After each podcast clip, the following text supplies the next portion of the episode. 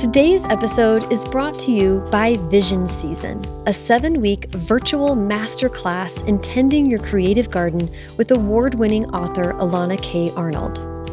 This might sound familiar to First Draft listeners, and for good reason. I've talked to the brilliant Elana K. Arnold for the show before, and her episodes are worth seeking out.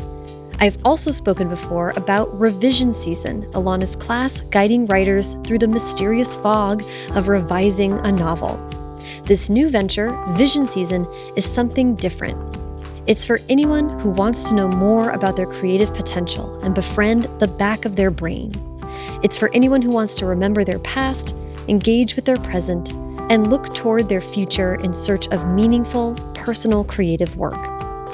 Writers don't submit work in Vision Season. The course provides a large amount of material in video lectures, recorded conversations with guests, and written packet work that is designed to help each writer deepen and grow their creative gardens. Vision Season is broken into weekly topics like return to your early self, creative constraints, channeling pain, exploring pleasure, and more. Elana sends weekly video lectures and transcripts followed by a series of assignments designed to help you put the week's lessons into practice. Each week features a recorded conversation between Elana and an expert in the topic. A weekly live call, which is recorded if you need to listen to it later, gives writers the opportunity to engage in conversation about the work at hand and creativity in general. And a private, moderated forum provides a space for Vision Season writers to connect with and learn from each other. By the end of Vision season, writers will have reacquainted themselves with their existing body of work, will have grown a wealth of new story ideas, and will be equipped with tools and resources to continue the forward momentum. The fall course of Vision Season will run from August 8th to September 25th. To learn more about Vision Season and to sign up for the fall course, visit elanakarnold.com.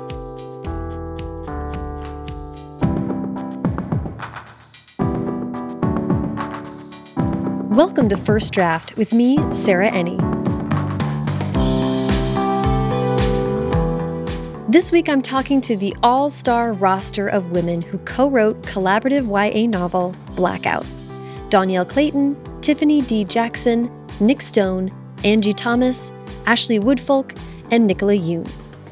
I was so fortunate to be able to talk to them all together, and we got into the story of how this collaborative novel came to be, what it was like to write a book centered on Black joy and love during a global pandemic and a nationwide reckoning with racial injustice. And we break down some of the time honored rom com tropes at work in this book of interconnected stories. If you'd like to support First Draft, a quick and easy way to do that is by subscribing to the podcast wherever you're listening right now and by leaving a rating and review on Apple Podcasts. I say rating and review because I love reading the reviews in the credits of these episodes, so uh, give me some more reviews to read. I love them so much. You can also go to the website, firstdraftpod.com, to check out the show notes for this and every episode, which has links to everything that the guests and I talk about. First Draft is an affiliate of bookshop.org, so when you buy books through the links on the website, it supports the show and independent bookstores at no additional cost to you.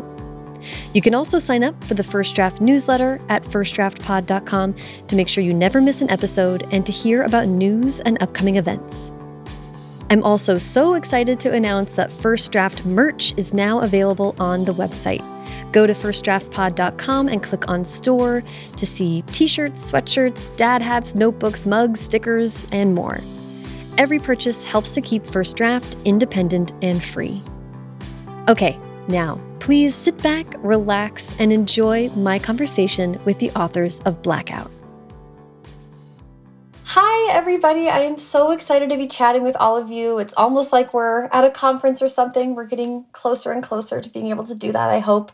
But I'm so excited to talk about Blackout and to hear from all of you about this incredible collaborative book.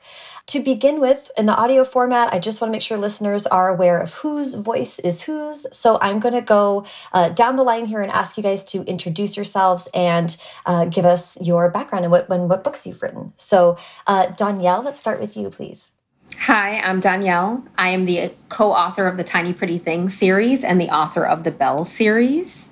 Excellent. And Tiffany? Hi, I'm Tiffany D. Jackson. I am the author of Allegedly, Monday's Not Coming, Let Me Hear a Rhyme, and Grown. Excellent. And Nic? Hi, I'm Nic Stone, author of Dear Martin, Odd One Out, Jackpot, and Dear Justice. Excellent. And Angie? Hi, I'm Angie Thomas. I'm the author of The Hate You Give, On the Come Up, Find Your Voice, and Concrete Rose. Excellent. And Ashley? Hi, I'm Ashley Woodfolk. I'm the author of The Beauty That Remains, When You Are Everything, and the Fly Girl series. Excellent. Uh, and Nicola? Hi, I'm Nicola Yoon, and I'm the author of Everything Everything, The Sun is Also a Star, Instructions for Dancing.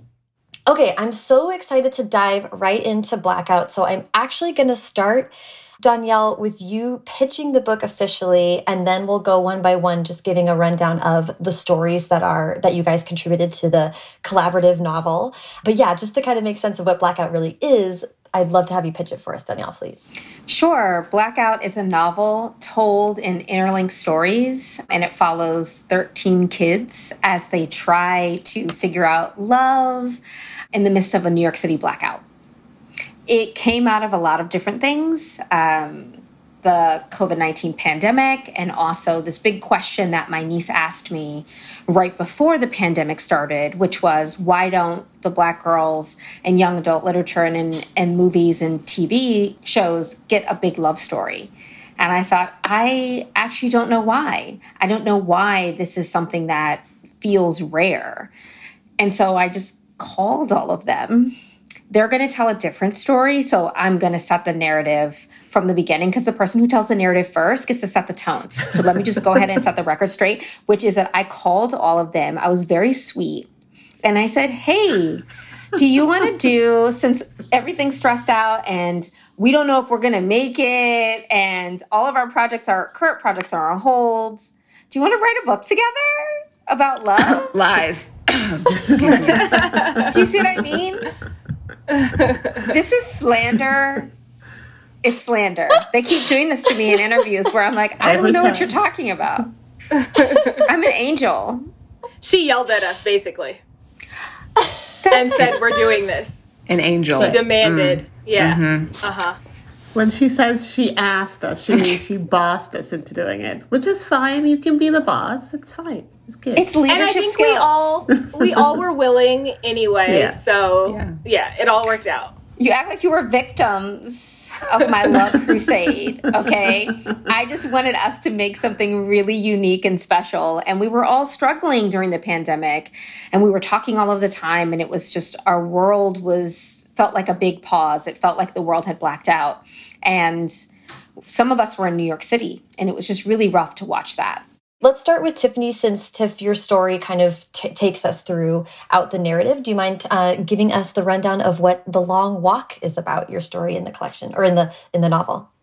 Sure. So the Long Walk is actually uh, a story told in five acts. Um, five, five. Yeah. Yeah. Wow. Don't even know my own story, guys. Woo. Okay. So The Long Walk is a story that's told in five acts. It's uh, the trope about two exes, two potential lovers, two teens who find themselves at a job interview in Harlem find themselves in the middle of a blackout and they have to work together in order to walk back from Harlem to Brooklyn.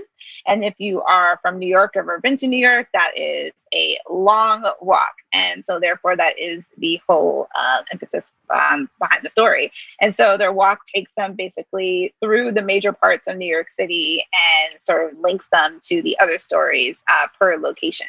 Excellent. And then, uh, Nic, I think your story is one of the next ones up. Do you mind telling us about your story about Mask Off?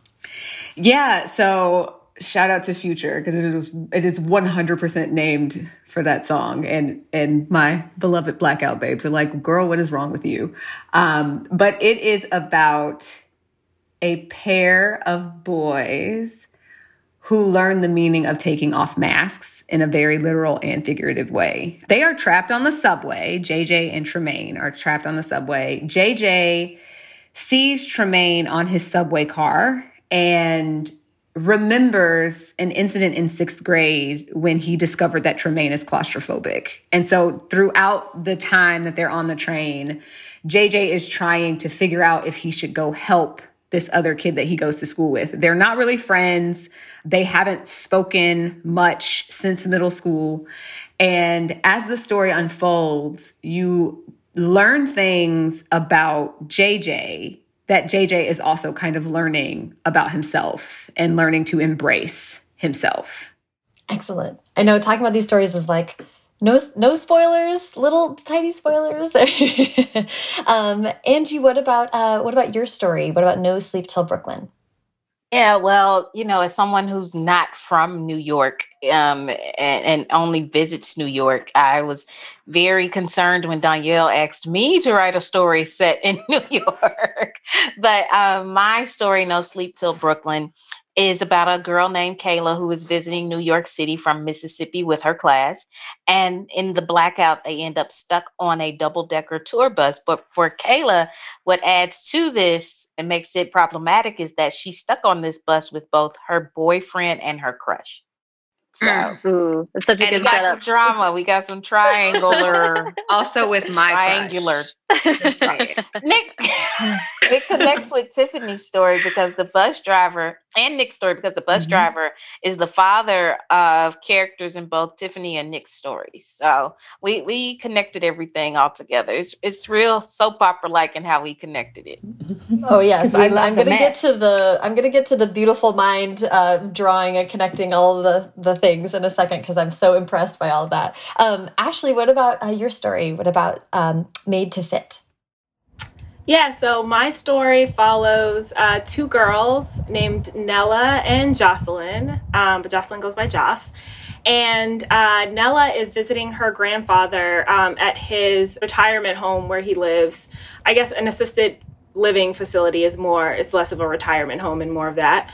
Um, but it's it's in a brownstone. And while she's there, her grandfather can't find his favorite photograph of her grandmother. And so Joss is um, a girl who brings her therapy certified pit bull to the retirement home every week, once a week. And uh, Nella had been avoiding meeting her all summer um, on purpose because she was worried that she would like her a little too much. And at the suggestion of her grandpa Ike, Joss starts going through the house with Nella to help her find this photograph. And you know, the girls have lots of conversations and they get closer as they are looking around um, this house for the photo. And, you know, things happen. Love it. And true star of the story, Ziggy, the therapy. It's Ziggy. yes, I love Ziggy. yes, it was so, so cute. Um, and uh, Dhonielle, your story, All the Great Love Stories and Dust. Do you mind telling us about that? Sure. Of course, I told a story in the New York Public Library because I'm a former librarian and it's one of my favorite places in the city. And it's about two best friends, Lana and Tristan, who have to spend the summer apart and they're not used to that because they always do everything together. But before she gets to go to Paris with her grandmother for like a summer trip before she goes to college, her and Tristan decide to meet at the public library and do their favorite thing, which is have a bet. But this time, the bet is what is the best book ever written? And so they have to finish the bet before she goes away. And Lana has all of these questions about what is the nature of their relationship as they're deciding to go to different schools in the fall is there something else there? And all of these questions, she's trying to figure out how do you tell someone that you've known forever, that knows everything about you, this very, very different thing? There's always a before and after you've said that thing. And she's trying to work it out through the lens of using books and being in the library. So it's probably like my dream to be in the library at night. And that's where a lot of that inspiration came from. I love it. Yes, so wonderful. Um, and Nikki, do you mind telling us about Seymour and Grace? Sure. So Seymour and Grace is um, we've got basically an Uber driver, or I call it Ride R Y D E, and he's like a philosophy nerd and he's listening to a philosophy podcast and he has a passenger whose name is grace and she's annoyed by him and she basically turns off his podcast. And they're both struggling with identity and who they are right? So he's trying to figure out who he is now because he hasn't been able to go to college which is his dream and she's trying to figure out who she is because she broke up with her longtime boyfriend He's the worst Uber driver ever because they run out of gas and they have to walk the rest of the way um, and they get to know each other. And it's a kind of will they, won't they, you know, figure themselves out, figure each other out kind of story. Beautiful. I love it. Okay, thank you for setting the stage, ladies, about all the different stories and their interweaving, which I'm going to ask about in just a second. But I kind of wanted to set the stage. Dhonielle gave us a bit of background about how this came about, but I'd love to set the stage about the actual context of your lives in the world when you began writing this story because it came about um, while the US was in lockdown during COVID 19. So I'm interested, you know, on, on First Draft, I'm doing a lot of talking to people about what their creative lives have been like during that time and what they were facing during that time and how they made room for their professional lives amid all of this. So I'm actually interested in just hearing from you guys like, where were you? What was going on in your life to accommodate what was being in lockdown? How were you trying to stay creative, or, or what did that look like for you guys? So I'm going to jump in and go out of order, but please jump in and and uh, and contribute whenever you'd like. But but Ashley, I'd like to start with you about how what was your experience in 2020 like? Um, it was hellish. I know it was hellish for a lot of people so I know that that is not a unique experience. Um, but I had just had a baby in 2019 and I had literally just put him in daycare and I think he started daycare in like October or November of 2019. So I had just started sort of getting a little bit of my professional life back. I had just started writing again on a more regular basis. I had a co working space that I went to while he was in daycare. And he was in part time daycare like three days a week, but it was still like dedicated writing time that I had finally like sort of wrestled back. And yeah, he was in daycare until February. and then everything, you know, went to shit. So I was, my husband was still working full time from home. And so I didn't have a lot of help and it was just me and the baby all day um, you know he popped my my husband popped his head out when he could and you know as time went on i demanded that he do it more and more because i was dying. But at the very beginning i was just like well i guess this is my life now. Like the baby is my responsibility because he has to like be in meetings and like do his work and all of that kind of stuff. And i don't have any family close by or any friends really within like walking distance or anything. And you know we don't have a car. So I was literally and figuratively trapped. So writing was pretty impossible for a while. I still had a couple of deadlines that I was supposed to meet in the midst of all of this. So it was a combination of working a lot on the weekends. And then there was a couple times where I was like, going out of my mind. So I just like left the city and I, you know, went down to DC where my parents live and I just like threw my baby at them. Um, but even doing that was like very, it was very um, nerve wracking, you know, because of the pandemic. And I have a baby, he can't wear a mask, you know. So we took the Amtrak down a couple times just because I was at my wits' end and I was like, if somebody doesn't take this baby from me, I'm going to leave him at the post office. so, um, so yeah, What's, that's what it was like for me.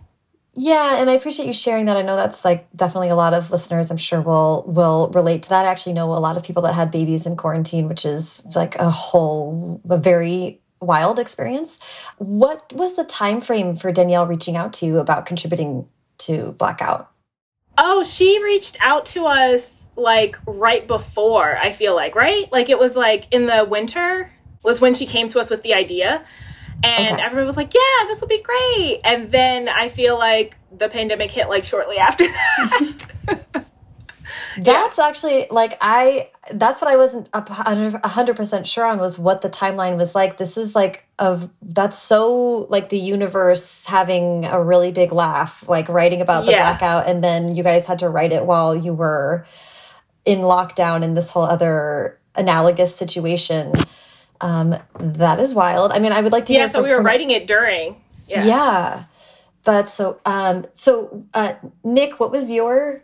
You also have kids, school age kids. What was your COVID nineteen experience like? Uh uh uh No, we're not even talking about that. We're gonna talk about how writing Blackout was a reprieve. Like you know, because it wasn't only COVID nineteen. We also stumbled into the, the thick of a racial reckoning. And there's all of these terrible things happening on the news to people who look like my kids. I have two sons i have two black sons and they have a black father.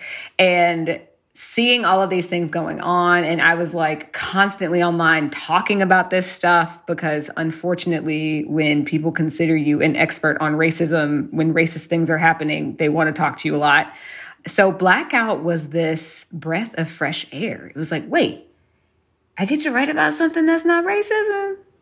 Okay, I can do that. So like we started we started the process all separately, which is like we knew we were all writing these stories, but we wrote all of our stories completely separately, like completely independent of each other. And I think that that was just there's so much synergy between us that all being able to focus on something other than what was going on, kind of like outside the window of the houses we couldn't leave, mm-hmm. was such a gift. Yeah, that's amazing. Yeah, the, I mean, Dhonielle, I'd love to hear from you. Like having the idea, initiating this process, then having the world in which your collaborators are writing within change so much. I mean, what was it like? What was your personal experience, and what was it like, kind of shepherding this project through like quicksand as things were changing so much? Well, yeah, I had just been watching, I think, a couple of holiday movies like Love Actually, Let It Snow, a few others with my niece. And we were lamenting sort of why there were no black girls in those films and then in the source materials of other books. And then the new year started, everything we started hearing about, oh, there's a virus going around, blah, blah, blah. America didn't really take it seriously because, you know, Cheeto and Chief. And so we were all like trying to figure out like what to do. so I remember being in New Orleans and coming back, and everyone was freaking out. New York shut down a week later. And I had talked to everyone about like, you know, I had started talking to people, being like, should we do something like this? And then shit got real. But I was super, super stressed out, and all of my editors were actually on furlough. So I didn't even know if the current books I was working on were ever going to see the light of day and if we were going to be able to have bookstores open again. I felt like, oh my God, our way of life is ending. All of my mm. school visits were canceled. I'm in New York. I haven't left my apartment for two and a half months. All I could hear all night were the sirens going off and you could see the trucks of the you know the refrigerated trucks full of bodies because i live close to a hospital. And it was just i was in a full panic mode and i needed something outside of my current work to hold on to. Plus the news. I was watching the news all day. I would go to sleep with the news on because i was so afraid. And so then i just was like you know what? We have to do this. And so then i started really being like we're doing it. Let's get it done. Let's make our sort of grid come on, let's get it done and just push everyone to the finish line because I feel like we needed something to hang on to as as our world was imploding around yeah. us. Yeah. The uh, um, Tiffany, you're also in New York, and what what was it like for you to to go through this experience? What was your year like? So so yeah, like everyone was kind of saying before, uh, Dhonielle came to us with this idea, you know, someone around the holidays. I remember, you know, it's kind of like when everyone's like, uh, like that person who says like, oh, we should take a trip. Yeah, let's do that. Like it was sort of like that type of feeling where we're all like, yeah, we're gonna do that. But it wasn't until the actual pandemic hit that she got like real serious about it, where she was like up in our phones, like, no, no, we are actually doing this. And so, uh, like, there was no saying no at that point but what was interesting uh, for me is I'm very much a meticulous kind of writer. Like I very much use my like I, I, have a huge schedule board you don't see. So I'm always like on top of things. So even putting this in the midst of all these other projects was slightly stressful and especially stressful considering that it was the first time in my writerly life that I experienced real uh, writer's block.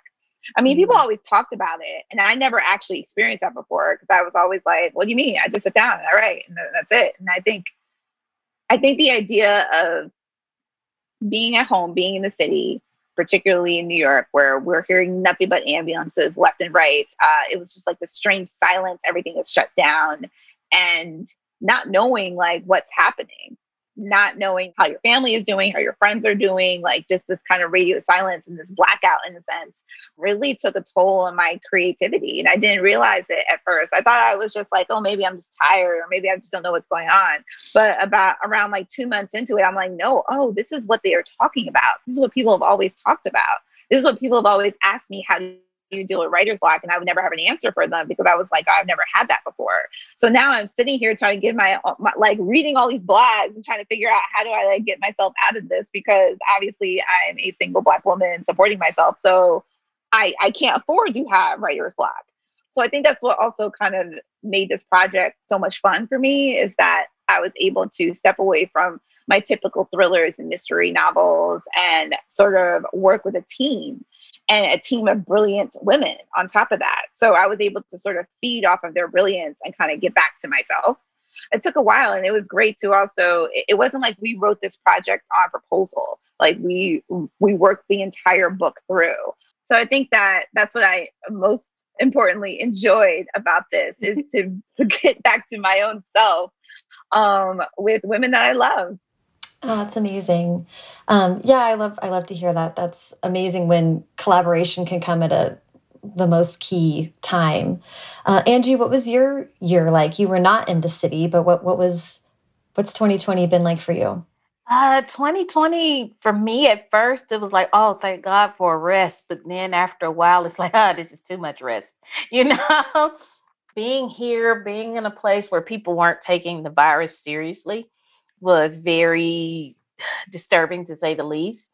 And then as a black woman, seeing so much tragedy on television anytime i turn on the news it's another name it felt like every single week um, and then also being someone who has since 2017 talked about black lives matter and talked about racial problems and police brutality and all of these things over and over and over again and suddenly being hit up all the time by people asking me to talk about this. You know, anytime someone wanted to book me for a virtual event, it was so that I could talk about George Floyd and Breonna Taylor, um, and and and and help white people, frankly, understand what was going on, despite the fact that videos showed them exactly what was going on.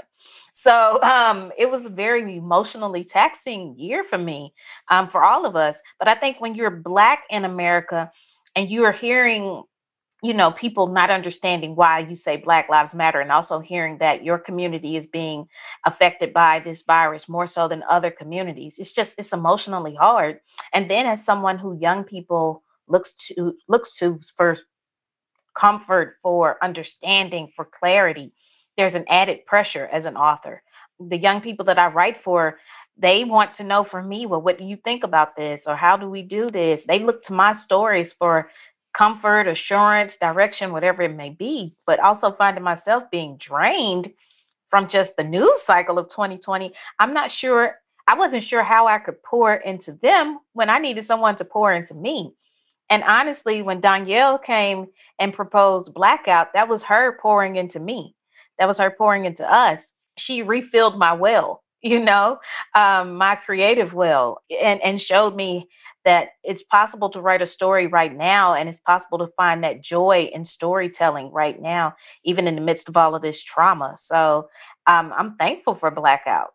It, it gave me that boost I needed, it, and it reminded me, and hopefully, it will remind young people that love is powerful you know and and and black love is powerful. Black people are more than just um, hashtags and police brutality and poverty and racism. We're more than that and and we should be able to tell stories that reflect more than that. So while yeah 2020 was awful i mean i did get some good stuff that came out of it. You know i, I learned more about me. I got more into my therapy tip if nothing else. Um, i got some rest and i expanded my creative horizons so I'm thankful for that. You know, I got a therapy dog. I'm good now, you know, but it was hard. And I think all of us can say, though, that this book was a blessing in multiple ways. And it also made 2020 feel less isolating. Writing is already mm-hmm. an isolating job, skill, career, whatever you want to call it. You're sitting in front of, of a computer screen and you're doing something by yourself and spending hours upon hours with just your mind and, and, and your thoughts. And all of a sudden, to be in collaboration with others and have these conversations about characters and a world that you all have built together, it made mm-hmm. things feel less isolating. So, I didn't feel as lonely in 2020 because of blackout. So thank you, Dhonielle. Thank you for coming on this rodeo. I mean, Tiffany kept us as her mistress, mistresses. But thank you for, you know, we were in the casita. Like, I can't believe she did that to us like that. But I'm just so glad we were together and we did this. I, I had to drag Tiffany. it, it's making me think, um, uh, Nikki. I want to I want to ask you about your year, but also what, um, especially Nic and Angie have said makes me think of your other project that you've been you coming out with Blackout, but you're also introducing Joy Revolution, an imprint that is really focused on exactly what is being said here about joy and focusing on women of color and their experience, which is much broader than what what people might see on the shelves up to this point. So I'd love to hear about your year and and how you've also expanded your creative horizons as a result of it. Right. So, I mean, so to start with the year, I mean, you know, it was terrible. Like everyone else it was just terrible. You know, being able to collaborate on Blackout, you know, like Angie was saying, writing is lonely in general. And so to be able to collaborate with people who are like minded too. So, like, I mean, obviously they're brilliantly talented, but also just to have sort of the same philosophical bent. Like, we need more love stories with black people. I think that it makes it made it easier. It sort of just made it really special right? Because we all really really wanted to do this thing. But you know in general for me you know my first book was 2015 and it was everything everything. And the main character in that looks like my little girl and it's a love story. I have felt this way for my entire career and from grad school. Like I had the idea for an imprint in graduate school, which was one billion years ago, right? um, and so, you know, I, I do think that we're finally at a point that maybe maybe this is going to work out for us. You know, there are obviously more stories to tell about Black people than racism stories, right? Because racism is something someone else puts on us it's not actually about us, right? Like, I already know I'm smart and beautiful. Like, the, the fact that someone else thinks differently matters not at all to me, right? So, Joy Revolution is basically people of color falling in love because people of color fall in love, right? That's just the truth of it.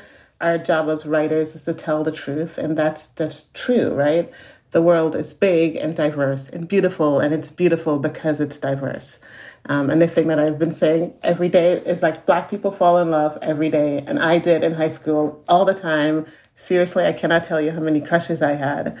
Um, so let's just let's just write some stories like that because you know also black people deserve a break, right? Like if you watch the news, there is only one narrative being spun mostly, right? And sometimes when I watch movies and like a black character comes on, or if like an Asian character comes on, I'm just like, oh please, please, please, please, please survive like till the end, or please no stereotypes. Like it's I'm like writing this essay right now called "What Horror Really Is." And for me, it's like when I'm watching an otherwise like sort of normal movie and you, suddenly there's a black character and the whole time I'm just like this going, I'm just so tense thinking that they're going to do something bad. This, you know, this character that I love is going to die. Something terrible is going to happen. There's going to be some horrible stereotype. And to me, that's, you know, a lot of the media, right? It's just, it's just kind of horrible, honestly. So, you know, to be able to be a part of this project, and to have Joy Revolution and just my books, right? I mean, there's always going to be black girls in them because black girls fall in love. Damn it. Good. Good. and, and yeah, and with with you and a few other people recently, I've been talking about the power of rom com and and straight up romance and that convention or that um, genre. The power of it is partly that the agreed upon stipulation of that genre is there is a happy ending. And so when your reader trusts and understands that at the end, these two characters are going to be in love and they will have overcome what is in their way, you can sort of do so much more in the middle because your audience is like there with you and and can go these other places because as you say nikki they're not in a secret horror film about them or someone that looks like them or what they're going to experience so it's uh you know just trumpeting rom-com and romance as like a wonderful um, place for readers to go to to explore these things um, I really want to hear about how, I mean, Blackout is an extraordinary collective effort because it's not an anthology, it's a novel. Everything works together. It's also uh, so layered. There's so much history within. There's all the characters are kind of related, like a soap opera, and then there's a history of their parents and their grandparents, and references to the old New York blackout and uh, in 2003 and in the 70s. And it was just like this really constructed world, and it left me thinking, like, how in the world did they do this? so it's so impressive. I want to hear all about it. I want to start with you, Tiffany, because in your acknowledgments, you cop to being the person that wanted to split your story into, into five parts, which I would imagine created structure, but also a lot of complications. Do you mind telling me about what, what made you think you wanted to do that? Yeah, so I keep apologizing because I'm like, yeah, sorry guys. Because it probably could have easily just been like all six of our stories and boom, that's it. But instead, you know, because uh, when Dhonielle, you know, first proposed the idea, and it was around the holiday times when we're always watching like Love Actually and all those kind of movies, that's the only way I could see it. I could only see it as like scenes that were like all mm-hmm. interconnected, like a soap opera. And mm-hmm. I was one of those kids who, you know, during the summer, um, was watching Jamaican soap operas in my uh, my grandparents' house or you know with my babysitter watching days of our lives like i knew that everyone was connected in some way. So i had to kind of be that sort of way for me. So i said like can i i also needed to see the kids when they first like experience the blackout and when they experience the, the lights coming back on Mm-hmm. Um, I needed to see that like through line. So I asked mm-hmm. like, hey, can I split my story? And it'd be sort of like the interstitials of everything. And that's kind of how it happened, which then later on we were like, oh, we can all connect it. Every like characters can be here, there, and everywhere. And but that part actually ended up being somewhat easy. It was more the timing I felt was the the kind of complicated part because you know, summer, like the sun is setting at different times. We had to make mm. sure that, you know, what would be actually happening around this area of New York. And especially as a New Yorker who have seen people write about my city and be completely wrong. I was very much like on top of the things like, no, like this wouldn't actually happen no there wouldn't be this here like uh, uh, we we all sort of combined including our uh, lovely editor rosemary who's also a new yorker who even like took me to task would be like you know well would a cab really be there? And i was like oh is she actually questioning me I would like stare at my screen. I'm like, but she's right. So like, and it was a very, it was a combined force. I asked my dad a lot of questions. My dad used to be a New York City cab driver. So like he was able to sort of like pinpoint like, no, that bridge would actually be there by that retirement home. And we actually wouldn't do this. And so there was a lot of like, you know, checks and balances uh, that made the story sort of flesh out, which, you know, I think really adds to, you know, the magic of this book is that this was very much uh, like one of the best group projects to work on because we all have such brilliant minds. We were able to like sort of combine together and bring all of our, you know, all of our toolkits um, to the story and make it work. Well, I'd love to hear about how the uh, um, Nic. I think in your acknowledgments you talk about the group chat and everybody kind of communicating. How what was communication like, and how was everybody keeping things on track and expanding hours long brainstorm sessions is what is what I've heard about. I'd love to just hear about kind of how it developed. I mean, look, like we all talk consistently. I think I most of you I talk to at least once seven times a day. like we talk a when lot. When you said we once, I was like, what? Seven okay. plus one plus 23. So like 24 times a day, something like that honestly the beauty of this project was like we didn't need brainstorming sessions like we would sit and we would talk about things but it was more like okay who's connect whose character is connected to who and how and that was it, you know? So it was like, okay, Tremaine is going to be Tammy's little brother, which would mean that Tremaine's dad is also is driving Angie's bus. It also means that Tremaine is Jamaican. JJ is going to be related to X person. Like just having these different pieces and putting those together was the most that's the most we had to communicate about the actual story. Um, and then the rest of the communication is just like supporting each other and like sharing good news and lamenting things and like occasionally talking about the latest kerfuffle on Twitter. Like this just we just get we're just friends. And it's a beautiful mm-hmm. thing to just be friends and to be able to make this amazing thing together. Mm-hmm. Mm-hmm. I love that. And Ashley, your your story is one that really stood out to me as far as bringing in like creating a whole world because Grandpop is talking about his love story and it's mirrored in the story you're telling and the the old folks home. Which, by the way, if I could, I mean, if I knew I could retire to a house like that, then I I would be there tomorrow. Like that is where I would want to be. But what was it like for you to kind of create this whole world in a short story? That's a kind of demanding task. Yeah, I mean, I think what often happens when anytime you hear about black families in media or um, on TV or in the movies or whatever, I feel like we we often or too often talk about the breakdown of black families, right? We talk about a missing father or we talk about, you know, parents having fights or whatever. It's always in this negative perspective or or I, I say I should say not always, but too often it's a negative perspective of of a black family. And that like everyone I know has had the exact opposite experience. And black families tend to be so strong and so generationally rich. And there tend to be these really deep, lasting connections between all the generations that are still alive. And even the ones that are gone you know you still have the stories. The stories are what really connect us.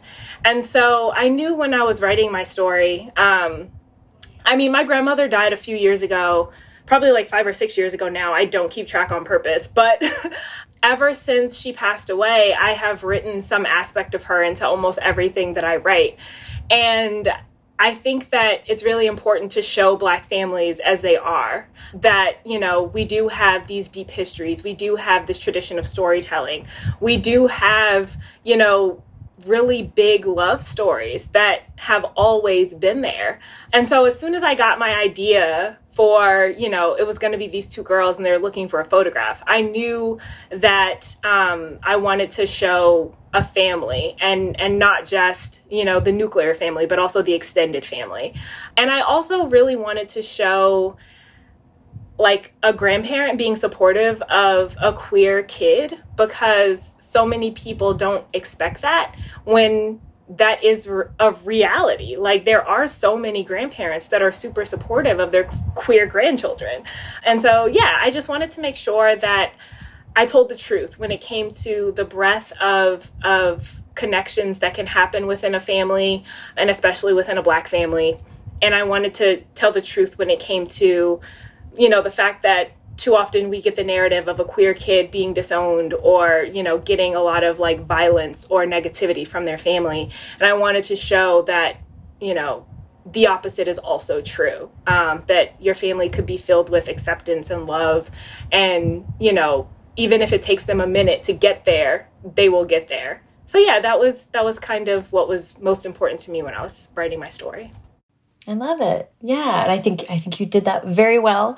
Um, Nikki, your stories was um, uh, played right into my heart. It started out with a podcast. I was immediately immediately bought in.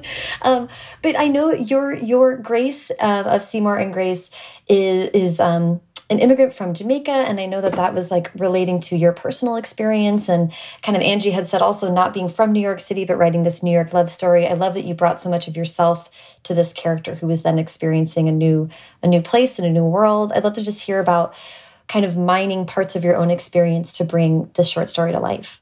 Yeah, I mean, I don't know if I speak for everyone, but I think we all bring parts of ourselves, right? When I write, it's always a question that I'm trying to figure out, right? Like some sort of big sort of life question, like, is love worth anything at all? Like, should we just hide in our homes, right? So, um, and then sometimes I bring like my sort of biographical stuff, but not too much, just because a i'm just i'm so private anyway right? I'm just shy.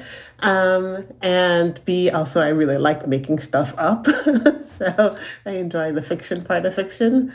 So you know but having her be from jamaica like that is one of my formative experiences right? Is getting to america and just feeling so strange here because i missed everyone. I missed my grandparents and all my cousins and just being there right? I mean i still think of it as my home, except for I've been here for so long too, right? So it's kind of a weird floaty feeling. Um, and I wanted Grace to experience that because that's how I still sort of feel too when you're just from a new, you're at a new place and you're trying to find your place in it.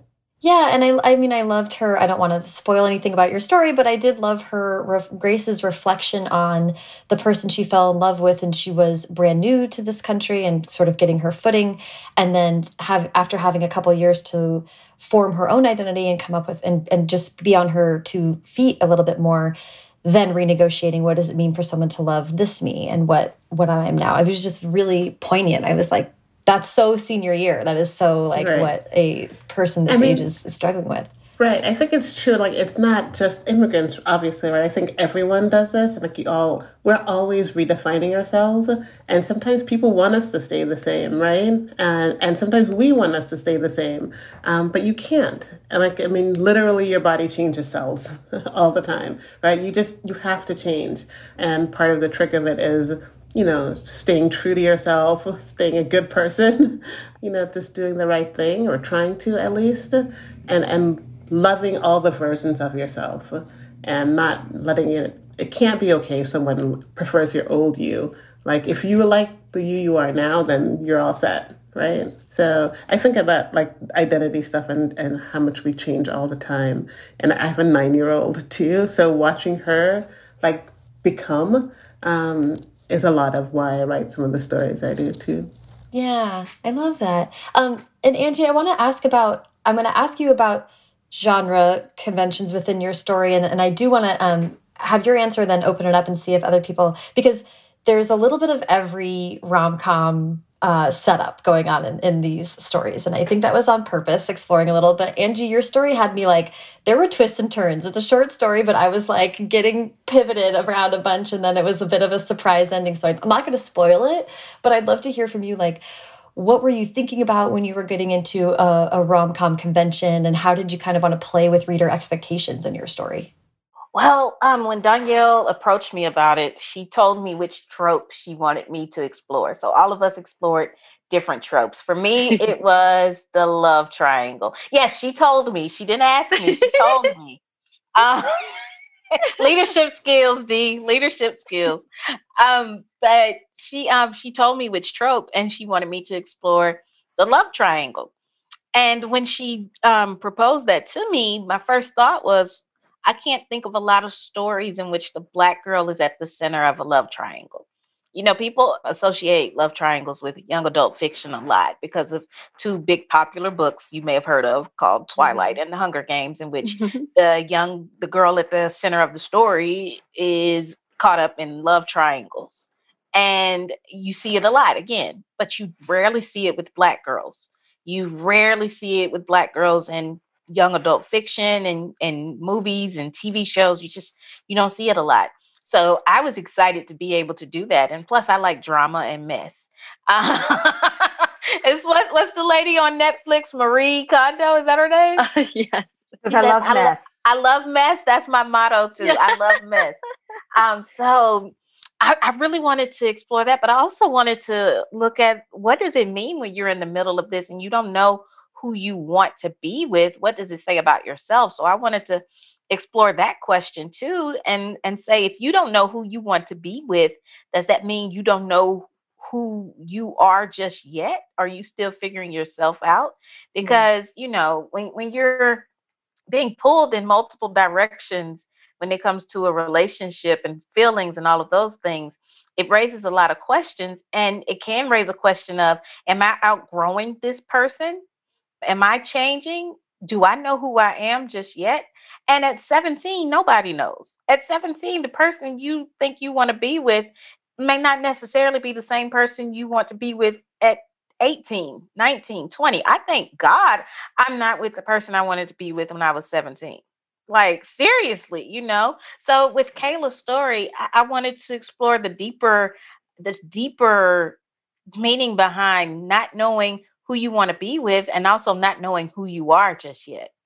Mm-hmm. Um, and and exploring feelings and exploring change and and the fear of change and, and the fear of discomfort because a lot of times when we're talking about these relationships where there are two people the person you've been with and the person you're interested in that fear of change and that fear of the discomfort that comes with change can make you afraid to make a move. So i really wanted to explore that a bit more too. And honestly and, and honestly show too that it's it's okay to i'm not going to spoil it but it, it's okay to make an unconventional decision. I think we got to give young people more permission to make decisions that are best for them and and not necessarily what everybody expects. Mm-hmm. Um, we we mm-hmm. got to allow young people to not just live up to our expectations, but to live up to their own expectations. And I don't think we do that enough. So through Kayla's story, I wanted to show that. I'm not going to spoil it again, but I don't think the ending is what anybody expects. And I'm good with that. So let's let young people make decisions that are beyond what we expect. Stop putting our standards and our hangups on them.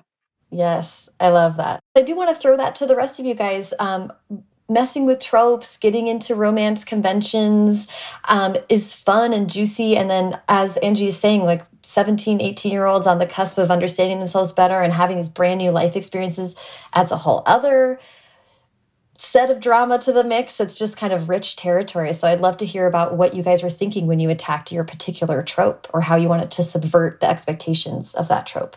I think you always see insta love, um, which was my trope. And I think we all sort of played with, I don't know if Dhonielle like thought of this or knew that this was happening, but I realized it today that we all had the forced proximity trope as well.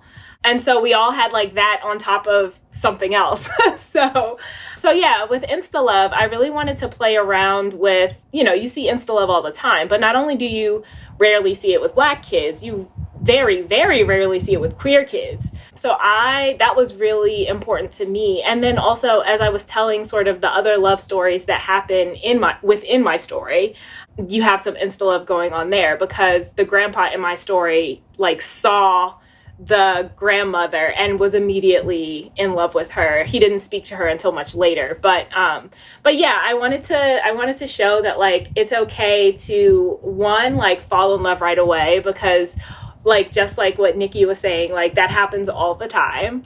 And then also show that like you could build um I feel like often Insta Love is is criticized for um, there not being enough substance right to to the relationship or whatever.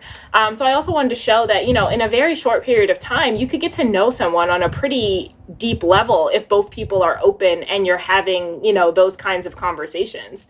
So yeah that was my trope and that was kind of what i wanted to do was show that like insta love isn't completely unrealistic and also that it can happen very quickly and it doesn't have to be a super shallow connection you know, Angie really like brought up a really good point is that we didn't have a lot of examples of, you know, kind of unconventional choices and thinking. We were sort of we had different type of examples. I always say that, you know, uh, we learned how to date via like hip hop music and sometimes, you know, those choices aren't always the best choices, but um, I think what's interesting about having this book that we sort of we tackle tropes, but we also kind of like challenge those tropes. We challenge the thinking behind the characters in those tropes. We challenge them to sort of look within themselves. I don't think there's there every story in this book, whether it's a boy or a girl, makes each of our characters sort of like kind of like come to grips with their own sort of reality and their own flaws. And I think that's something that's really important. It's a valuable lesson that kids uh, truly need to learn earlier um, because a lot of us are only learning that, you know, well into our 30s and 40s that, you know, hey, we could be actually wrong about something, which is like blasphemous. But I think tackling uh, these exes to lovers trope was actually really fun for me just thinking about like you know the anger you have you feel towards someone but then exploring the ideas of compassion and forgiveness and the idea that you know you may not have it all together either homegirl. So I, I think that that was something that i needed to really explore even as a grown woman um, but also exploring that for young girls as well too to you know identify with um, because we all have had some type of messy love story at a young age and we thought we were completely wrong because it doesn't uh it doesn't sort of mirror some of the YA stories that we were reading. And not a lot of us had a lot of YA stories that we can actually see ourselves in. And like I continue to say, like I was reading like Terry McMillan at a very young age. And it's hard to see myself in those type of stories. And definitely hard to see like you know if i really wanted to actually get married or not so i, I think that that was actually really important to have these type of books mm-hmm. does anyone else want to speak to messing with rom-com conventions all i'll really say is that you know my favorite thing about the book is how you can even there are so many tropes but ours kind of play off of each other. And i like like for instance mine and Dhonielle's it's both kind of the secret crush thing, but mine is between a person who doesn't know another person very well, and Dhonielle's is it's a completely different convention. And I think that the power of showing these different types of love stories is that it just gives Black kids something to root for and it, it, validates their experiences. I've had literally every trope that's that's represented in this book I have experienced in some way, shape, or form. And like nobody is surprised. Um, love triangle included, let's be honest. But there's something so empowering and validating about seeing something that you either have been through or are going through or are interested in on the page. Mine is more enemies to lovers, and that's just my favorite in general because I love when people want to kill each other but they end up kissing each other instead. So this that's my favorite thing. And I mean, I think people like that, right? I mean, we all love the tropes. We love the tropes because they're the tropes. We know mm. what we're going to get, but it's not the what, it's the how, right? Mm. That's what makes it. So it was just really fun, right? I mean, these stories are also just really fun. Mm-hmm. Yeah. Yeah. And I, I want to kind of wrap up with um, uh, Dhonielle asking a, a, little bit on the, on the business end. I'd just love to hear from you. So it was so interesting to me that you guys wrote the whole book and then were ready to approach um, your agents and authors about it. I would just love for you to break down like, you make this happen, this magic thing comes together, and then how do you go about bringing it into the world? Yeah, so I thought about it at the beginning. Could we just write up a little bit of what we would write mm-hmm. and put together a proposal and send it out. And I thought, no, they need to see the brilliance. They needed to see our execution. And I wanted to step out on faith with all of my beloveds with something that I felt like was really, really rare and special. So I was like, let's do it. Let's write on spec, which is not something any of us have to do anymore in our careers, but it's a fun exercise because we get to create without someone watching. Mm-hmm. We get to make a thing that is ours without influence and then talk to each other about it, read each other's stuff and say, this is our thing. This is our little little baby that we made. And then I went to my literary agent and Angie's literary agent um, and said, hey, we did something. and she was like, what? what did you do? And then she looked at everything and she was like, oh my God, this is so beautiful. This is so brilliant that during a pandemic? What is happening? And so then we went out with it in like August of last year. Mm-hmm. And it we blew up the industry. we blew up things. Honestly, I think that's like my favorite part about all this. It's like the surprise, we did this thing. And it's just like mm-hmm. everyone's reaction, like, you know, mouth drop the entire time. Or just like, wait, what? Like right. it's just complete denial about it. But yes, that's actually probably my favorite. I love surprising. Me too.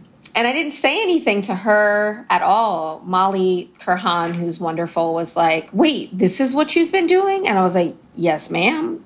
And then she was like, Oh my God. And then we went out with it. And I mean, we got our first offer within 30 minutes. So it was like, you know, because we stepped out with something that was complete, that an editor could see the vision, could see all of like, we were, you know, we had all come together to make a beautiful beautiful love letter, I think. And people really responded to it. We we hadn't mentioned the Google Doc. oh yes. the monstrous Google Doc. Yeah, because after Tiffany decided to split up her story, I got really excited about the timeline. and I started putting in all the like times and we Dhonielle and I were figuring out like, okay, it'll still be light out until like 8 p.m. Like how are we gonna do this? Where how can we have blackout stories when it's still sunny? And yeah, just figuring out all the little details and lining, you know, dropping everybody's story into this master Google Doc was like it was monstrous but um but yeah it all came together and you know everybody was super excited once we once we told them about it. That's amazing. And i love hearing that Dhonielle also because it's just one thing for people to consider when they're thinking about selling on proposal or on spec. And to to this is one of the perfect examples of sometimes it's so much stronger to come out with something that's complete and then everyone on the team who sees it really gets what you're doing and what you're going for. And it puts everybody in a sometimes that's the best position to be in because everyone's kind of on the same page. Um, okay, I've already, you've given me so much time, all of you. I'm so appreciative. I, I do like to wrap up with advice, and I want to ask you guys specifically to kind of one by one go around. And I'd love advice for how to be a supportive writer with your peers and your writing friends. I think that's something that we kind of talk around a lot of the time, but this is one of those examples of really explicitly in a time of incredible stress when all of you were able to connect and give each other support. Um, and that is absolutely pivotal for living a creative life. So I would just love if any of you guys have a word of advice for maybe new writers who are trying to find their community or people who are trying to be better writer friends with each other, which is not always easy. Um, so no no rush, but I'd love to hear from all of you guys about that. I say give the kind of support you want to receive like a lot of times people come into the writing community and they want want want to take take take take mm. take. They want the support they want the this and the that but are you offering it to other people? The best way that i made friends in the writing community was to give what i wanted to get. So do that. Don't come in just saying oh i'm going to come in here. I need i need a critique partner. I need this or that. Or are you going to critique somebody else?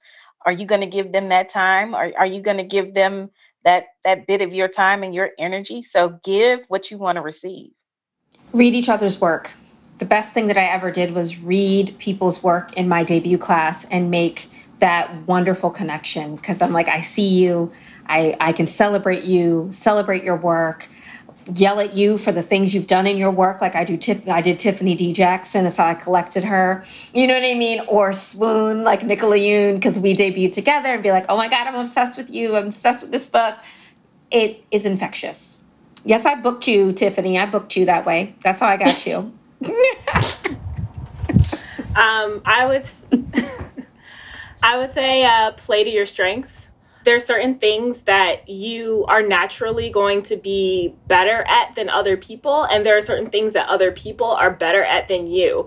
And i would say play to those strengths. Like if you notice that you know somebody like like Nic is great at dialogue, right? Like run your dialogue by somebody who you know is really really good at that and don't be proud about it. Like don't think that, you know, you have to down yourself to up somebody else. Like that's not what it's about. Dhonielle is great at world building. Like, you know what I mean? Just like play to your strengths, keep other people's strengths in mind so that when you need help or they need help. And like for instance, I worked in publishing. So like there was a lot of marketing stuff that I knew the answers to or I knew about that other people didn't know about as all the blackout stuff started happening.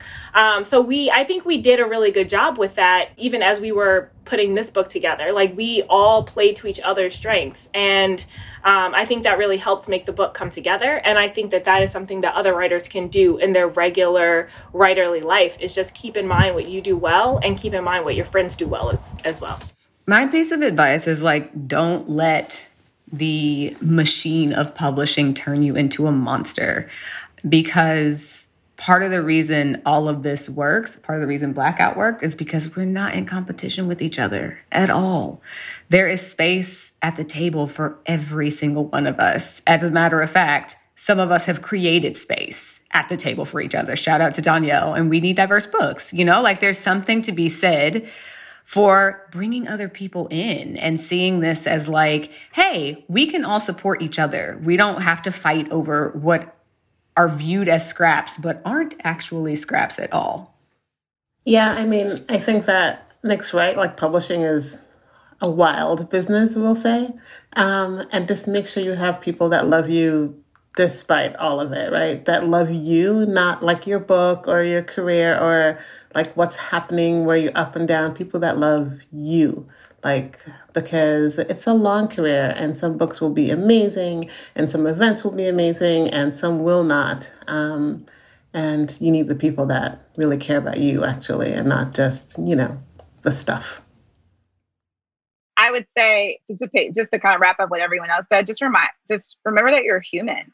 Like remember your humanity. Remember that you know you, this is a stress that could be a stressful business uh, so check in on other people, see how their spirit is doing, how their mom is doing, how their dog is doing.